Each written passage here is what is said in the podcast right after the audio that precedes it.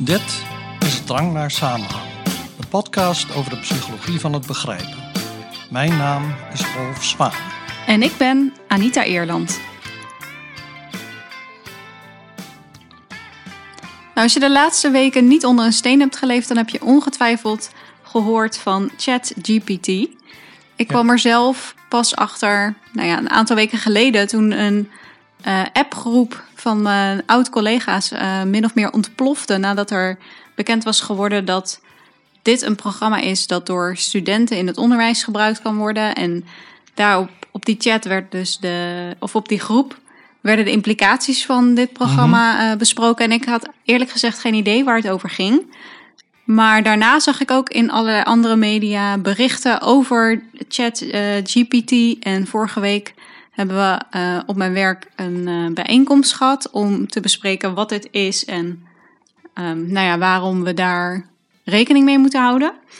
Um, ja, dus er is heel veel om te doen. En dat maakt denk ik een uh, leuk onderwerp voor deze aflevering. Ook omdat het inhoudelijk heel sterk gerelateerd is aan waar deze podcast over gaat. Ja, want waar we mee te maken hebben is um, dat ChatGPT gezien wordt als een programma dat taal begrijpt. Mm -hmm. Maar is dat nou echt zo? Wat is begrijpen? Nou, daar gaat deze podcast ook over. Dus in dat verband is het relevant om over ChatGPT te praten. En dan is het natuurlijk ook nog zo, zoals jij al zei, dat wij daar in ons werk mee te maken hebben. En alle collega's in rep en roer zijn mm -hmm. over dit uh, fenomeen. Dus ja, wat is ChatGPT eigenlijk? Nou, het staat voor Chat Generative Pre-trained Transformer. Het is kunstmatige intelligentie die snelle antwoorden formuleert op vragen die individuen kunnen stellen. Mm -hmm. En uh, daarbij genereert het dus teksten. En die teksten kunnen voor allerlei doeleinden worden gebruikt. En daar gaan we het uh, later nog over hebben. Maar um, het interessante is dus dat je allerlei vragen kunt stellen aan dat programma en dat je dan antwoorden krijgt die er misleidend intelligent uitzien vaak. Mm -hmm. uh, je kunt het bijvoorbeeld vragen, uh, wat ben jij? Aan ChatGPT kun je vragen, wat ben je? Zullen we dat eens even doen? Ja. Wacht even. Oké, okay. ik ben ChatGPT, een taalmodel ontwikkeld door OpenAI. Ik ben getraind op grote hoeveelheden tekst om antwoorden te geven op allerlei vragen en opdrachten. Nou, dat klopt ja. wel met wat wij uh, zelf uh, hadden gezegd over wat ChatGPT uh, is. Ja, en dat is, wordt dus gemaakt door, zoals ChatGPT ook zelf zegt, OpenAI. Mm -hmm. En dat is een bedrijf uh, en die zeggen onze missie is het om te, ervoor te zorgen dat kunstmatige intelligentie, ik vertaal het even uit het Engels, uh, de hele mensheid ten voordeel is. Ja, dat klinkt heel mooi. Dat je iets gaat ontwikkelen waar iedereen wat aan heeft, de hele maatschappij, de samenleving. Maar de vraag is um, of wat we nu hebben, dat product wat er nu is, of dat inderdaad daaraan bijdraagt. En het is natuurlijk ontwikkeld met bepaalde ideeën in het achterhoofd, bepaalde idealen. En je kunt ook allerlei toepassingen bedenken waarin een chatbot handig kan zijn en voordelen mm -hmm. kan bieden. En de vraag is nu, en daar gaan we het denk ik ook later uh, over hebben. In hoeverre voldoet ChatGPT daaraan op ja. dit moment? Ja, precies. En de indruk die je krijgt van sommige mensen is dat ze denken dat ChatGPT Chat echt intelligent is en dingen begrijpt. Mm -hmm. Dat lijkt ook ja. soms zo. Als je dat ziet naar sommige ja. antwoorden die hij genereert, mm -hmm. dan denk je hier moet wel een slim algoritme achter zitten. Ja, dat gaan we nog, daar gaan we het inderdaad zo nog over hebben. We hebben allerlei voorbeelden. Mm -hmm. uh, maar eerst is de vraag natuurlijk, wat is dan begrijpen? En ja, daar hebben we het natuurlijk over in de podcast. Daar heb ik het over in het boek. En Mhm. in het boek zeg ik van, begrijpen is het vormen van een uh, mentaal model, een situatiemodel van een situatie in de werkelijkheid of in een fictionele wereld. Nou, als we even de werkelijkheid nemen, uh, jij zit tegenover mij. Ik kan jouw oogbewegingen zien, je gelaatsuitdrukking als ik wat zeg. Dus als je verward kijkt, uh, weet ik van, uh, ik moet het beter uitleggen of zoiets. Uh, en um, eh, dus we hebben een situatie met, uh, die zich afspeelt in een bepaalde, bepaald tijdsgewricht. Het is nu zondagmiddag. Mm -hmm. het is, hoe heet het, we, we, we zitten in ons huis in Zeist. Jij zit ongeveer een meter van me af. Dat soort dingen, die zijn al, allerlei, allemaal onderdeel van de, de, voorstelling van de situatie die ik heb. En die beïnvloeden wat ik zeg, dus uh, wat ik begrijp. Dus als jij bijvoorbeeld zegt van, uh, zou je misschien wat zachter kunnen praten? Mm Dan weet ik dat je bedoelt, praat eens wat zachter. Je vraagt ook niet of ik het wil, je wil dat ik het doe. Mm En dat is een indirect verzoek. Ja. En ik weet van, gezien de situatie, dat als jij zoiets zegt, dat je dan bedoelt van, praat wat zachter. Ja, je zit in mijn oor te tetten. Ja, zoiets. Dus dat, dat idee dat wij dus zo'n hele situatie begrijpen en dat we dus ook dingen begrijpen die niet letterlijk gezegd worden, dat, dat is begrijpen. Dat je een model vormt van een situatie. Maar ja, ChatGPT heeft dat niet, want die heeft natuurlijk geen ervaring in de werkelijkheid. Dat uh, programma heeft alleen maar enorm veel teksten verwerkt. Mhm. En gekeken naar welke woorden komen vaak samen voor en welke begrippen. En dan ook nog wel natuurlijk dingen die meer sophisticated zijn dan dat. Maar zeg maar, dat is uh, de kern ervan. En dat is wel een belangrijk punt, want dat hebben we volgens mij eerder niet genoemd. Dus hoe genereert hij nou antwoorden op vragen en hoe genereert hij teksten? Dat doet mhm. hij op basis van een input van allerlei teksten die er al bestaan. Ik weet niet, het is niet heel recent volgens mij. Nee, ik geloof tot, of tot en met 2021. En ik weet ook niet of het, dan, of het dan alleen maar uh, online teksten zijn of ook bijvoorbeeld uh, krantenartikelen die alleen maar gedrukt zijn verschenen, maar die zijn ingescand of zo, dat u dat ook meeneemt. Maar nou, dat, kun je, dat kun je vragen maar. Vragen maar uh, welke, welke teksten vormen jouw corpus? Zoiets kun je hem vragen. En volgens mij had ik het zelf gevraagd. Ik moet even een ander scherm openmaken daarvoor. Uh, ja, wat, ik had het in het Engels gevraagd. what kinds of texts are you trained on? En dan zegt hij, nou, ik ben een AI-model, dit en dat. En op allerlei teksten, inclusief websites, boeken en sociale media. En mijn training, data, covers a variety of topics, including news, science, history and culture, to name a few. Nou ja, en het doel van die training is om te zorgen dat hij dan mensachtige antwoorden genereert op allerlei vragen.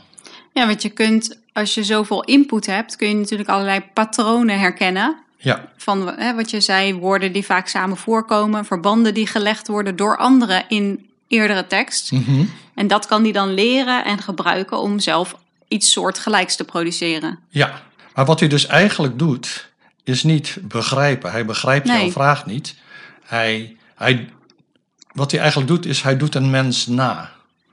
Ja, weet je waar ik me een beetje aan doet denken? Als je probeert een, een taal te begrijpen die je niet machtig bent, waar je mhm. dus ook verder geen voorkennis van hebt, maar dan kun je wel een beetje uh, grammatica uh, ontdekken als je verschillende teksten hebt. Dus dan zie je, oh, zo'n soort woord komt altijd voor zo'n soort woord. of er zit altijd in een zin een woord en die eindigt op dezelfde paar letters of zo. Dan heb je geen idee wat er staat. Je begrijpt het dus niet. Maar als je maar genoeg van dat soort input krijgt, mhm. kun je misschien uiteindelijk wel zelf een goede grammaticale zin maken, die mhm. misschien helemaal nergens op slaat. En dat, dat weet je dan natuurlijk ook niet. Maar dat is, daar doet het me aan denken. Dus je krijgt input, je probeert her, patronen te herkennen. En dan probeer je zonder dat je begrijpt wat je aan het doen bent, gewoon zoiets na te bouwen. Ja, ja dat is eigenlijk uh, wat hij doet. En waar het mij aan deed denken, en uh, je ziet uh, andere mensen dat ook zeggen, is aan bullshit. Daar hadden we een aflevering over, aflevering 7. En wat is bullshit? Bullshit is niet liegen. Maar bullshit is dingen zeggen waarbij het je niet kan schelen of het waar is of niet. Mm We hadden altijd Donald Trump als voorbeeld daarvan. Maar dat is dus anders dan liegen, want bij liegen hou je wel degelijk in de gaten wat waar is en daar wijk je maar op specifieke punten van af. maar bij bullshitten kan het je niet schelen. En dat is dus ook dan een gevaar van ChatGPT. Want het kan stellig dingen zeggen die, die waar zijn, maar het kan ook heel stellig dingen zeggen die absoluut niet waar zijn. Want waar het mij een beetje aan doet denken is ehm, wat je dan wel eens hebt als je een tentamen geeft. Hè, uh, en dan heb je open vragen. Mhm. En dan heeft de student het niet goed geleerd. En dan, dan hebben ze wel wat woorden opgevangen in de colleges of uh, uit, het, uh, uit de artikelen. En die gebruiken ze dan, maar wat ze produceren is vol, volstrekte onzin. En natuurlijk als docent weet je dat, want je weet wat het juiste antwoord moet zijn. Ja, maar wel woorden die geassocieerd, die, Ja. die passen in de context. Ja. En dat is inderdaad ook wat dat programma doet, want die heeft heel veel context. Ja, En dan kun je voorspellen welke woorden daarin eh, thuis horen. Maar dan kun je nog steeds complete onzin maken, mhm. eigenlijk. Maar ja, nu- dat doen studenten ook wel eens, ja. ja precies. Nou ja, dus dat is de vraag van eh, hoe goed is, is dat programma? Want we schetsen het nu, eh, eh, het schetsen het nu af alsof, eh schilderen het af alsof het niet zoveel kan. Maar ik was eerlijk gezegd verbaasd, verbijsterd wou ik haast zeggen. Je zei het allebei. Ja, door ehm, hoe goed het op sommige vragen antwoord gaf. En ik begon met iets wat ik heel goed ken, namelijk mezelf. Dus ik vroeg in het Engels van, eh, wie is Rolf Zwaan? En dan zegt hij, Rolf Zwaan is a psychologist and a researcher who specializes in the field of language and cognition. He is known for his work on the mental representation of language, bla bla bla bla bla. He is professor of cognitive psychology at Erasmus University in Rotterdam, the Netherlands. Dus dat, dat soort informatie heeft hij dan. Maar dan vraag ik, what, which music does Rolf Swan like? En dan zegt hij, I'm sorry, but as a language model uh, AI, I do not have access to the personal preferences of individuals, such as their musical. En dan Maar dat is waarschijnlijk ook niet wat je online kunt vinden, toch? Of wel? Ja, dat, nee, online, nou in sociale media misschien een beetje. Um, where does Rolf Swan live? En dan zegt hij, Rolf Swan is a psychologist and researcher based at Erasmus University in Rotterdam in the Netherlands. It's likely that he lives in the Rotterdam area or in a nearby location. Nou, ja, ja, dan denk ik, uh, oké, dat weet hij dus ook niet. Dus hij heeft in ieder geval geen toegang tot mijn persoonlijke... Nou, en het luistert niet naar de podcast. Hij luistert ook niet naar de podcast. Want dan had hij dat wel geweten. Dat is nog wel het grootste min- minpunt van dit. Oké, Ja, dat- waardeloze chat. Ja, en dan, eh, nou ja, dan vraag ik dingen waarvan ik denk, die zou die moeten weten.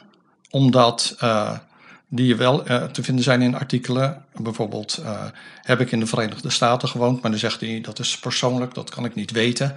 En daar zie je iets in wat ik ook wel herken uit eh, die voorbeelden van programma's die ze hadden in de jaren 70. Daar hadden ze een computerprogramma dat dan een therapeut was of zo. En die kon je vragen stellen. En er was een andere. En die speelde een paranoïde persoon. En dan stelde je een vraag en dan kreeg je dus, net zoals hier, antwoorden terug. Maar al, al heel snel zei hij van, eh, ik vind het onbeleefd dat je dit vraagt. Of waarom vraag je dit?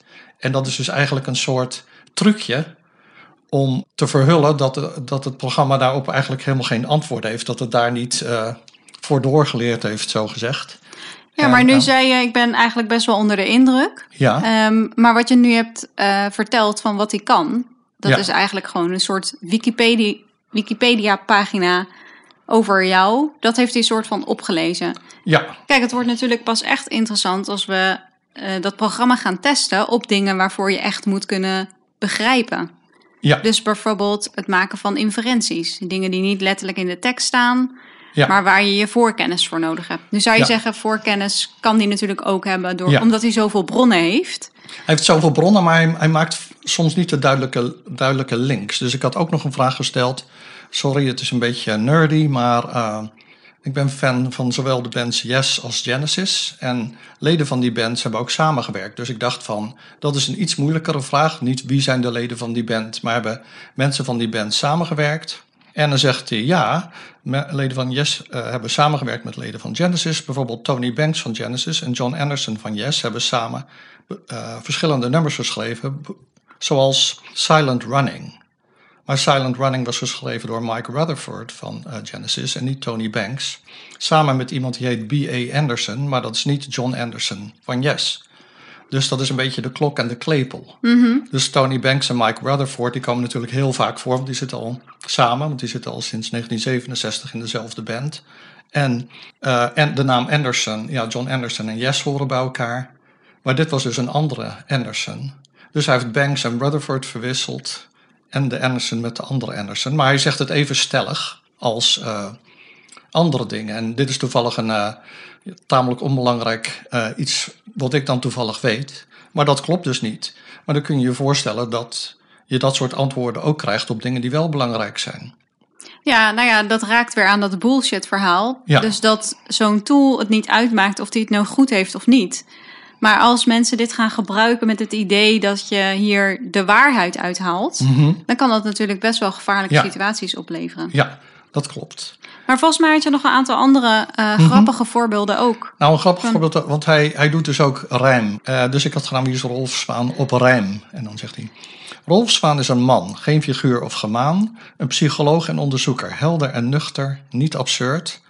Bij de Erasmus Universiteit is hij aan het werk. Taal en cognitie zijn zijn expertise, daar durf ik te sterk. Zijn onderzoek en publicaties zijn bekend in de branche. Met zijn kennis en inzicht leidt hij ons steeds verder in de dans. Nou, jouw Sinterklaasgedicht voor dit jaar is al klaar volgens mij. Ja. Dus dan denk je van, nou ja, branche en dans, dat rijmt niet helemaal. En verder werk en sterk wel, maar goed. Ja, maar dat slaat inhoudelijk weer nergens op, dat nee, stukje. dat slaat nergens op. Dat is zeker waar. Ehm, dus dat is niet erg indrukwekkend.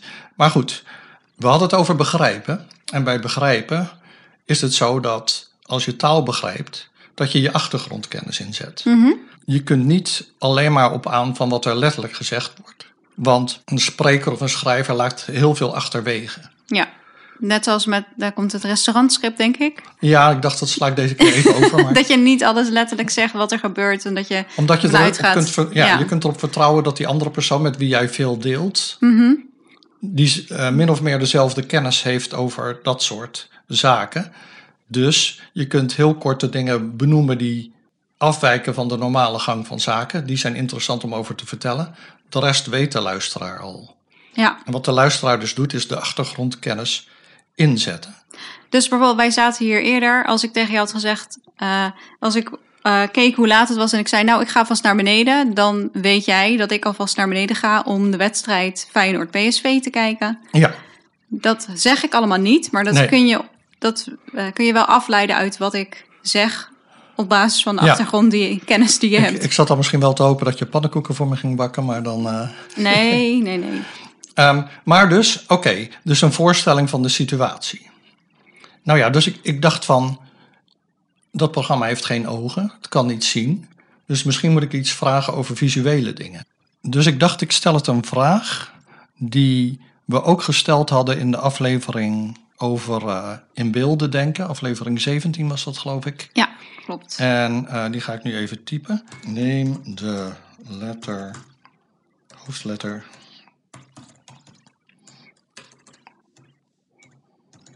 Neem de hoofdletter D. Ehm, draai hem 90 naar links. Graden of niet? Graden, ja. Nee. Ehm, zet er de hoofdletter J onder. Wat krijg je?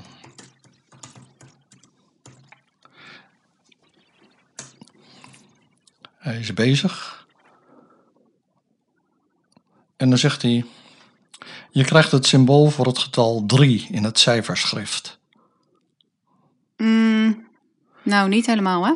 Niet helemaal, nee. En de meeste mensen aan wie je dit vraagt, die zeggen een paraplu. Ja. Dat ding lijkt op een paraplu. Dus dacht ik, nou, eh, van visuele informatie eh, weet hij dan niet al te veel. Dus ik stelde hem nog wat andere vragen. Bijvoorbeeld, eh, even kijken. Nou ja, als mensen rond een tafel zitten. En je noemt ze allemaal, er zit degene die het eerst noemt naast degene die het laatst noemt. Dus ik zei, zes vrienden zitten rond een ronde tafel. Ben zit links van Bob.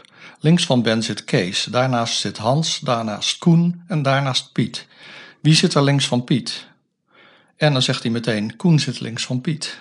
Ah, dus dat kan hij wel. En daar heb je ook eh, mental imagery voor nodig. Ja, en als ik vraag van, eh, wat lijkt er meer op een gitaar? Een tennisracket of een honkbalknuppel? Dan zegt hij een tennisracket. Dus dat is ook visuele informatie. Iets anders wat ik geprobeerd heb is, dat is meer, eh, eh, meerdere zinnen. En je hebt twee versies. Het werkt eigenlijk het beste in het Engels. He put the wallpaper on the table. He put the cup on the wallpaper. En dan vroeg ik, what is wrong here? En dan zegt hij, eh, nou, daar is eigenlijk niks mis mee. Maar het is ongebruikelijk om een kopje op eh, eh, behang te zetten, want dan kan het beschadigen. Oh, dat zegt hij ook? Van dan Ja. kan het beschadigen? Ja, Oh, Maar dat is dus één zin. Maar dan heb je een andere zin en dat is... He put the wallpaper on the wall. He put the cup on the wallpaper. What is wrong here? Nou ja, normaal zou ik dat niet zo vragen in een experiment. Maar dan heb je dus eigenlijk dezelfde zinnen. Maar hier is natuurlijk wel een probleem. Want nu zit het behang op de muur en niet op de tafel. Hè? Dat is het verschil. Ja. En dan is het behang dus verticaal. En dan kan hij dus niet de mok erop zetten. Nee. Hè? Dat is het Ja, probleem. Dan valt je mokje op de grond. Ja, maar eigenlijk heb je dus eh, drie zinnen. En zinnen twee en drie, die zijn hetzelfde. Hè? Dus eh, ofwel, eh, Hij zet het kopje op het behang, Ja. zeg maar. Dat is in beide gevallen hetzelfde. Alleen waar het behang zich bevindt, dat is Dat anders. is anders. Ja. En dat is dus drie zinnen. De eerste twee zinnen en dan de vraag. De eerste Ja. twee zinnen beschrijft het scenario. Maar dan zegt hij dus, met dat behang op de muur, dan zegt hij eh, in het Engels, maar ik zal het vertalen. Er wordt niet duidelijk gemaakt eh, hoe, de, hoe de mok vastzit. Als je een mok op eh, behang zet zonder een oppervlakte daaronder, een, hè, een, plankje horizontaal vlak, een plankje, dan kan de, de mok vallen of het eh, behang beschadigen. Ja, dat is dus wel interessant. Want Ja. je, dat, dat soort inferenties moet je maken Ja, om het te kunnen begrijpen. Ja. En mensen hebben meteen door, als jij die tweede zin leest van behang op de muur en hij zet het kopje op het behang, dat er iets niet klopt. ja. Maar dat dat, we- weet dat programma dan dus ook. Dus dan, zou je, Ja, dan zou je tot de conclusie kunnen komen dat dat programma dus wel een bepaalde vorm van begrijpen heeft. Ja, ja want dit- dit, ik dacht dus zelf, dit gaat hij nooit eh, goed hebben. Nee, dat zou En- ik ook niet gedacht hebben. Maar ik heb ook, ik dacht, oké, dit is allemaal visueel, een ruimte, hè, hoe mensen rond een tafel zitten en dat behangen die mok en de vorm van een eh tennisracket. Dus ik dacht, hoe zit het met tijd? Dus ik had eh, twee zinnen hier. Hij kneedde het deeg, een moment later at hij het brood. Wat is hier verkeerd? En dan zegt hij eh, in het Engels, maar ik vertaal het. Er is eh, blijkbaar een eh, discrepantie in de handelingen die beschreven worden. Want het is onwaarschijnlijk dat het brood al klaar zou zijn om te eten, onmiddellijk nadat het gekneed is, het deeg gekneed is. Want eh, het deeg heeft tijd nodig om te rijzen en het moet eh, gebakken worden voordat het gegeten kan worden. Maar als ik, als ik dus zeg van, hij kneedde het deeg, een dag later at hij het brood, wat is hier verkeerd? Dan zegt hij, daar is niets verkeerd mee. Ah, ik dacht En- nog even, misschien zit het in dat je vraagt wat is er verkeerd, dat hij dan al denkt er moet dus iets Ja, niet kloppen. maar daarom- Maar in het, in het tweede Ja. geval kan het wel. En dan zegt hij ook gewoon er is niks verkeerd. Nee. En toen dacht ik, nou, ik doe iets wat dan ehm, er een beetje tussenin zit. Dus eh, hij kneedde het deeg. Een uur later at hij het brood. Wat is hier verkeerd? En dan zegt hij, nou, daar is niets, in principe niets verkeerd mee. Zolang het, maar, het deeg maar gerezen kan hebben en het brood gebakken kan zijn.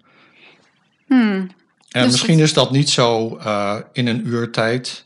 En dan is, staat er, dan is het onderkookt, hoe heet dat? En hoe, zeg, hoe zeggen ze dat ook weer bij heel Holland bakt? Ander- Dan is het niet genoeg gerezen. Niet genoeg gerezen en, en niet genoeg gebakken. Hmm. En eh, Dan heb je een plat rauw brood. ja, dus ik denk niet dat Robert daar tevreden mee zou zijn. Dat denk ik ook niet. Nee, nou ja, dus dan, dan zie je dat hij op de een of andere manier, door dat verwerken van al die teksten, toch een zeker besef heeft. Nou, niet besef, dat is verkeerd, maar informatie heeft over hoe lang bepaalde gebeurtenissen duren. Ja, over En procedures. misschien heeft hij wel allemaal recepten zitten. eh, Ja, dat kan. lezen. Dat dat Ja. eh, als input is gekomen. Ehm, Maar goed, eh, dat ja. zijn, er zitten wel voorbeelden bij ehm, waar die dan goed op reageert, wat ik niet had verwacht. Mhm. Maar vorige week, ehm, ik zei al, we hadden een, een praatje op mijn werk hierover. En daar zaten ook een aantal demonstraties bij. En wat hij dus bijvoorbeeld niet kan, is als je zegt... de moeder van Mark heeft vier kinderen. Mhm. Jan, Anna en Peter. Hoe heet het vierde kind? Nou, Mhm. elk mens zou dat eh, volgens mij goed eh, doen. En dan zegt hij gewoon, dat kan ik niet weten. Ja, Dus daar moet je ook een inferentie maken. En dat Ja. doet hij niet. En dit staat gewoon in de tekst. Dan Ja. zegt hij, ik heb, dan zegt hij, eh, ik heb de, de benodigde informatie niet of zo. Staat niet in de vraag. Ja. Nou, het staat wel in de vraag. Maar dat kan Klopt, die dan ja. niet. Dat kan hij dan niet, nee. En ik dacht, nou, ik moet ook nog even verder kijken eh, naar voorbeelden die misschien iets meer van die aard zijn. Dus ik had een voorbeeld gebruikt dat ook weer uit het boek komt. Een vliegtuig stort neer in de Pyreneeën op de grens tussen Spanje en Frankrijk. Waar worden de overlevenden begraven? Ja, een Nou, dat klassieker. Ja, dat, ja een klassieker. Ehm, dat eh, is een semantische illusie noemen ze dat, een betekenisillusie. Want uh, ook al zeggen veel mensen van, nou die begraven, ja als ze uit Spanje komen, begraaf je ze in Spanje enzovoort.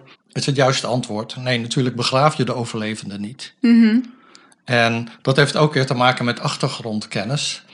In dit geval een vliegramp, eh, dan weet je dat, ja, daar horen doden bij, zeg maar. Mhm. Weinig mensen overleven dat. Dus je verwacht dat dan het volgende gaat over de, Ja. de doden. Nou ja, en begraven. Ja. Eh, ze Impliceert primed dat al dat het Ja. gaat om mensen die overleden zijn. Ja, dus daar, is, daar maken ook veel mensen een fout. Maar ik was benieuwd van, wat doet nu ChatGPT? En? En die zegt, de overlevenden van een vliegtuigongeluk worden normaal gesproken begraven in de plaats waar ze vandaan komen of waar hun familie woont. Als het gaat om een ongeluk op, in de Pyreneeën op de grens tussen Spanje en Frankrijk, zou het besluit over waar ze begraven zouden worden afhangen van diverse factoren zoals hun nationaliteit, de beschikbaarheid van begraafplaatsen en de wensen van hun familie. In sommige gevallen wordt besloten om de slachtoffers te begraven in de buurt van de plaats van het ongeluk. Dus nou, dat is een hele, ja, een heleboel informatie. Ja, dat zouden mensen natuurlijk niet doen, maar hij maakt dus dezelfde fout als veel mensen Ja. maken. Dus hij ziet niet de discrepantie tussen overlevenden en begraven. Mhm. Dus dat vond ik ook wel interessant, en dat, maar dat doen veel mensen natuurlijk ook. Toen dacht ik, nou, ik stel nu een vraag over. eh, het hij is vrij specifiek en hij heeft te maken met beweging, een sport in dit geval. Ik zei, de rechtsbenige linksbuiten nam de corner links van het doel. Welke kant draaide de bal op? Nou, als je dus rechtsbenig bent en je schiet een bal, dan draait hij altijd naar links. Als je met de binnenkant van je voet Mhm. schiet, wat je met een corner doet. Maar hij zegt dus de bal zou naar rechts gedraaid zijn. Oké, dus hij is- zegt in ieder geval niet dat hij het niet weet. Dat hij niet eh, genoeg Nee. informatie heeft. Zo, hij komt wel met een antwoord. Het Ja. is alleen niet goed. Het is alleen niet goed. Nee, dat klopt. En wat je ziet is, er zitten wel scheuren in het panzer, zo gezegd. Mhm. Hij beantwoordt niet alles goed. Ik was toch verbaasd hoeveel nog wel goed geantwoord werd. Ja, vooral met dat Ja. behang. Vond ik wel Ja. indrukwekkend. Ja, dus, maar wat dat dus eigenlijk aantoont, is dat je dus door dom allerlei teksten te, te, te- door te kammen en eh, kijkt in welke context woorden voorkomen, kun je bepaalde vragen die best wel sophisticated zijn, nog wel beantwoorden. En daardoor lijkt je te, te begrijpen. Ja, Maar in feite ben je aan het bullshitten. Toevallig had je het nu goed. Ja. nou- dan met, die, eh, met een paar van die dingen. Maar de andere dingen heeft hij fout. Maar dan eh, zegt hij ook niet van ik weet het niet helemaal zeker. Maar dan komt hij toch gewoon met een antwoord. hij is altijd even stellig. Het geeft wel aan dat als je maar genoeg informatie hebt, dat je heel makkelijk iets kunt kopiëren. En dat andere mensen dan kunnen denken dat je het begrijpt waar je Ja. het over hebt. Ja. En wat me ook opviel, maar daar hoeven we het verder niet eh, in detail over te hebben, is dat hij dus verschillende malen op verschillende malen verschillende antwoorden geeft. De ene keer geeft hij eh, een uitgebreid antwoord en de volgende keer zegt hij, daar heb ik niet genoeg informatie over. En hoe dat precies zit, begrijp ik ook niet. En als ik dan aan hem vraag, hoe komt het dat je eerst dit zei en dan dat, dan zegt hij zoiets van, eh, ja, ik ben een eh, AI-system, ik ben getraind op zoveel eh, dingen, maar ik heb geen toegang tot updates die in real time binnenkomen. Hè? Zoiets van, nu ineens is er nieuwe informatie beschikbaar, die heb ik dan nog niet, want ik heb maar informatie tot 2021. Maar dat verklaart natuurlijk niet deze discrepantie. Als je eerst het ene ding zegt en dan daarna zegt van, eh, ehm, daar heb ik niet genoeg informatie over, dan is dat eigenlijk wel typisch. Ja, andersom zou natuurlijk wel kunnen. Dat hij eerst, eerst onvoldoende informatie heeft en daarna wel. En dan kan hij tot een antwoord komen. Andersom is het gek. Ik had ook eh, begrepen dat je eh, dezelfde vraag meerdere keren kunt stellen. Ook kort na elkaar. En dan misschien geen dingen waar hij mogelijk niet voldoende Mhm. informatie over heeft. Dat hij dan elke keer weer een unieke tekst genereert. Ja. Dus het is Ja. niet zo dat je... Dat een bepaalde vraag altijd een bepaald standaard antwoord oplevert. Nee, Maar dat, dat dus ook eh, de woorden soms anders zijn, de zinnen zijn wat anders. En je kunt natuurlijk ook vragen om een antwoord in een bepaalde stijl. Dat Ja. had je al gezegd. ja. Dus dat maakt ook nog uit. Maar hij genereert dus nooit twee keer precies dezelfde tekst. Nee. Nee, dat klopt. En, en dat is dus misschien ook wel logisch, want ik denk dat, eh, ja, dat het steeds een soort steekproef van informatie is die hij dan eh, gebruikt. En of het moet een feature zijn van het, eh, systeem, dat het bewust zo gedaan is. Dat, dat, denk ik. Ja, ja dat, dat zou ik niet weten, hoe, hoe dat precies zit. Ehm, Want waarom zou je een steekproef van informatie gebruiken als, als je weet dat je voorspelling het beste is, mhm, als je al, eh, alle informatie gebruikt die je hebt? mhm, Dan zou het toch een beetje dom zijn om dat te programmeren om te zeggen, nou je hebt, eh, laten we zeggen, ho- 100, het zijn natuurlijk eh, ontelbaar veel meer, maar je hebt er 100, ge- gebruik er steeds 20 om een antwoord te genereren. Ja, Dat lijkt me zou niet kunnen. heel logisch. Nee, maar ja, ik, ik weet hier verder ehm, te weinig van, van, van wat er precies achter zit. Maar het is wel heel interessant om er eh, dus ja, een beetje mee te spelen. Om te kijken wat kan die wel, wat kan die niet. Waar liggen de grenzen? En dan krijg je een beetje een idee van... Ja, ehm, en dat hebben wij Ja. nu gedaan en dan vrij eh sumier natuurlijk. Ik heb dat in 20 minuten of zo gedaan. Maar ik denk dat wat het wel laat zien is, op sommige dingen krijg je verrassend goede antwoorden. mhm, Op andere krijg je even stellige antwoorden, maar dan is het verkeerd. Dus dat is gevaarlijk. Ja, En ik denk dat het ook laat zien dat wij betere, een beter idee moeten hebben van wat begrijpen eigenlijk is. Welke informatie daarvoor nodig is. Want dat, dit systeem bootst iemand na die begrijpt. En komt daarbij... Wordt er gezegd. Wordt er gezegd. ja. Nou, bootst het na. Hij begrijpt het niet, hij bootst Oh, het oké, na. ja. Maar de vraag is, eh, kunnen wij betere vragen stellen waarmee we gemakkelijker dit systeem kunnen ontmaskeren? Dat is denk ik een uitdaging voor, voor psychologen. En ja, verder is natuurlijk dan de vraag van wat, wat is nu eigenlijk het probleem? Dus fundamenteel is het zo, dit programma begrijpt niet. Maar het kan het doen lijken alsof het begrijpt. Maar daardoor kan het dus heel veel misleidende informatie produceren. En daar kunnen andere mensen natuurlijk misbruik van maken, want het is super gemakkelijk om teksten te genereren. Dus je kan ja, 100 blogposts maken, zeg maar, en daarop eh, verschillende versies van dezelfde tekst hebben, eh, die misleidend is. Ehm, Maar die dan wel meegenomen wordt. ja, En, en, en daar hebben we het ook al eerder over gehad, dat mensen dus, als ze dus iets zien op één website en dan ook op een andere, dan gaan ze het betrouwbaarder vinden. Hé, hey, die zegt dat ook.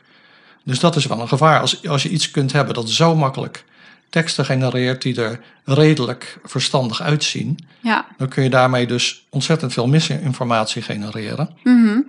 Nou ja, dat is een groot maatschappelijk gevaar. Dus je hebt het, de wetenschappelijke vraag van is het begrijpen of niet? Het is niet begrijpen, maar het, het is het nabootsen van begrip. Mhm. Of in ieder geval van, niet van het proces van begrijpen, maar het resultaat daarvan. Ja.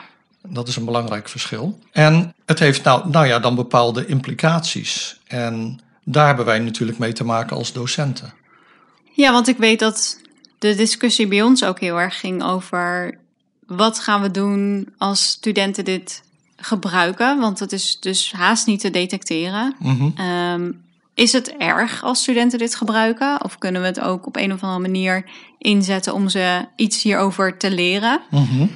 Ehm, ik geloof dat er ook mensen zijn die dit gebruiken, die de studenten expres opdrachten laten doen met dit programma, om Mhm. ze te leren nou ja, wat, die, wat dat programma wel en niet kan. En Mhm. daardoor leer je natuurlijk ook.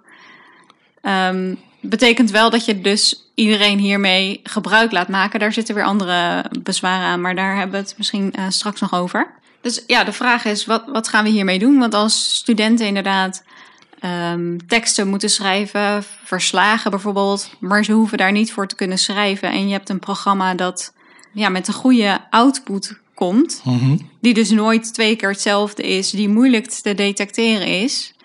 Ja. Ja, wat, wat moet je daarmee? Ja. Kunnen wij dan, moeten we dan andere vragen stellen, andere opdrachten gebruiken? Moeten we überhaupt geen geschreven tentamens of ehm, verslagen of zo meer doen, maar moeten we mondeling gaan toetsen bijvoorbeeld? Ik heb wel het idee dat je, wat je ook bedenkt, dat dat altijd maar een tijdelijke oplossing is, want dat programma Ja. wordt natuurlijk steeds Ja. beter. ja, ik geloof dat er Ja. alweer een andere versie van opkomst is die nog meer kan. ja, dus je eh, blijft achter de feiten aanlopen. Je moet Ja. de hele tijd in de gaten houden wat dat programma nu kan. En eh, moet je een manier bedenken om daar een beetje omheen te werken. Ja, dat is, en dat wordt dan soms ook gezegd, je moet het omarmen. Eh, maar ja, daar kleven dan ook weer problemen aan, vind ik. Mhm. Eh, namelijk uh, als je kijkt naar de ethische kant van dat uh, programma ChatGPT. Ja, nou, ik had het net al heel eventjes erover dat als je als docent studenten met het programma laat werken, mm -hmm. dan zorg je er dus voor dat je ook input genereert. En daarmee ja. help je het programma eigenlijk om beter te worden. Ja. Ik denk zeker als je dat soort vragen gaat stellen van uh, om de grens op te zoeken van wat hij kan en wat hij niet kan. Daar leert zo'n systeem natuurlijk nou van. Ja, dus je, maakt ziet, het slimmer. Ja, wat je ook ziet is als je dus een vraag stelt en hij geeft een antwoord, dan heb je dus een duimpje omhoog of een duimpje naar beneden. Dus je kunt dan zeggen of het antwoord goed is of niet. En daar leert het programma van. Dus ik heb, dat, ik heb dat niet gedaan. Want anders geef je dus feedback waar het programma van kan leren. Mm -hmm. Ja. En dat is nog wel het gevaarlijkste natuurlijk. Dat allerlei mensen dit gaan gebruiken en dan zeggen ja goed, ja nee niet goed. Dan leer je van de feedback. Ja, en dan wordt het dus steeds beter om teksten te genereren zonder echt iets te begrijpen. Dus zeg maar, ja. omdat het niet echt begrijpt en omdat het geen rekening houdt met of iets waar is of niet, maar wel heel stellig is, Mm -hmm. dat vind ik een beetje gevaarlijk. En hoe Ja. beter dat systeem dan wordt, eh, hoe gevaarlijker dat ook is. Want hoe, Ja. hoe groter de kans dat het impact heeft op eh, mensen. Maar nog los daarvan is er ook nog een andere ethische kant. ChatGPT zou namelijk gebouwd zijn met behulp van werknemers in Kenia. Mhm. Die ontzettend slecht betaald zijn. Ik geloof minder dan 2 dollar per uur kregen zij betaald. Dat blijkt uit onderzoek van eh, Time. Mhm. En die mensen werden, de- dus ze kregen heel weinig geld, maar wat ze moesten doen was eigenlijk helpen om dat programma beter te maken. Dus ze werden blootgesteld aan schokkend materiaal, dus Hm. ou- output van ChatGPT, eh, om ervoor te zorgen dat eh, geweld eh, en ook haat, dat dat soort dingen niet als output gebruikt kunnen worden. Dus ze, moesten, ze waren eigenlijk een soort levend filter. Ja, Maar om dat te kunnen filteren moet je natuurlijk wel zien wat er allemaal aan output gegenereerd wordt. een levend onderbetaald filter. Ja, nou ja, en als we het hebben over de ethische kant van zo'n tool, dan is dat wel iets wat eh, daar zeker bij hoort. Dat denk ik ook. Dat denk ik ook. Ehm, En als je het gebruikt, of je dat nu voor jezelf doet voor de lol, om het eens te proberen, of eh, als je het in je onderwijs wil inzetten, dan steun je dit soort praktijken in principe wel daarmee. dat is zo. Aan de andere kant is de vraag van, wat zijn dan de alternatieven? Ik Gewoon denk, zelf schrijven. Ja natuurlijk. En je studenten duidelijk maken, en dat doen we ook allemaal, van je moet het zelf schrijven. eh, want wie heeft er zin om eh, een tekst te corrigeren die gemaakt is door een computer? Ja. Hè, als docent. Mhm.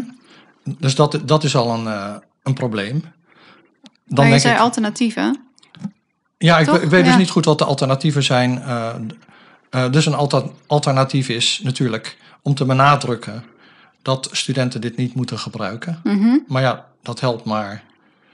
Eh, zolang het er is, zal Ja. het gebruikt worden. Ja. En niet, niet alleen door studenten natuurlijk. Nee. Er zijn ook allerlei bedrijven die nu dit zien als mogelijkheid om eh, meer te verkopen, meer geld te verdienen. Mhm. Ja, en politici die op, op deze manier allerlei eh, misinformatie heel snel de wereld in kunnen sturen. Dat is denk ik nog het grootste gevaar. En ik denk dat wij als psychologen beter moeten begrijpen van... We kunnen nooit begrijpen wat het programma precies doet, want dat begrijpen de makers zelf ook niet. Dat is veel te complex.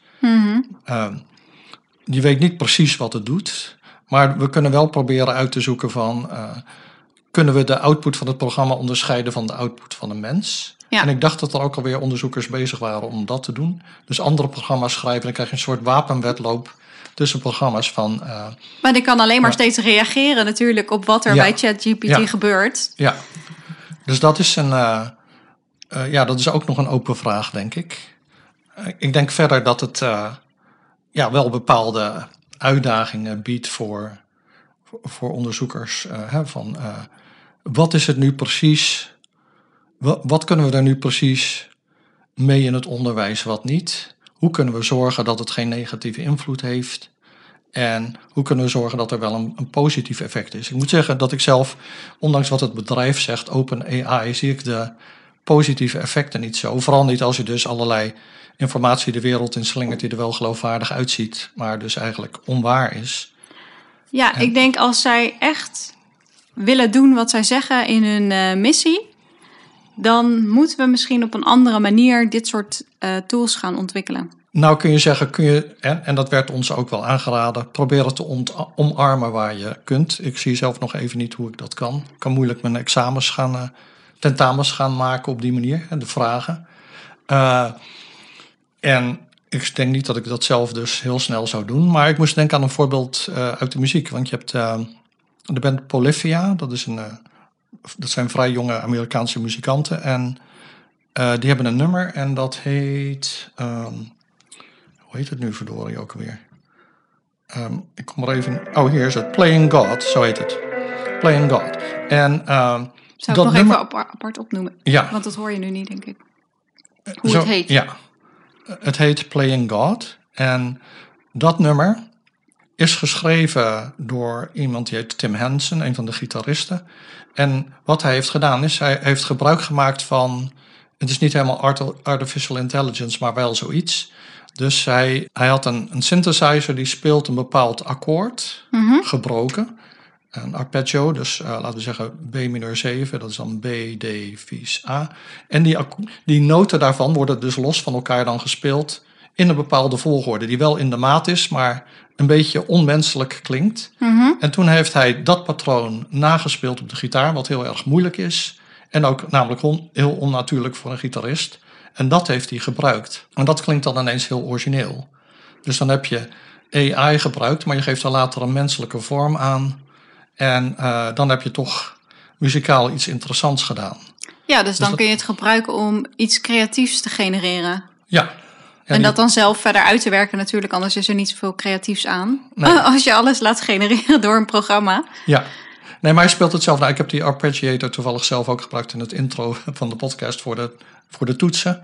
Maar uh, ja, dat, dat vind ik dan ook creatief. En misschien kun je naar analogie daarvan zoiets bedenken in het onderwijs. Maar dan zie ik het nog steeds niet als een uh, heel groot gewin. Ik zie het meer als iets waar je artistiek, artistiek wat mee kunt dan misschien in het onderwijs.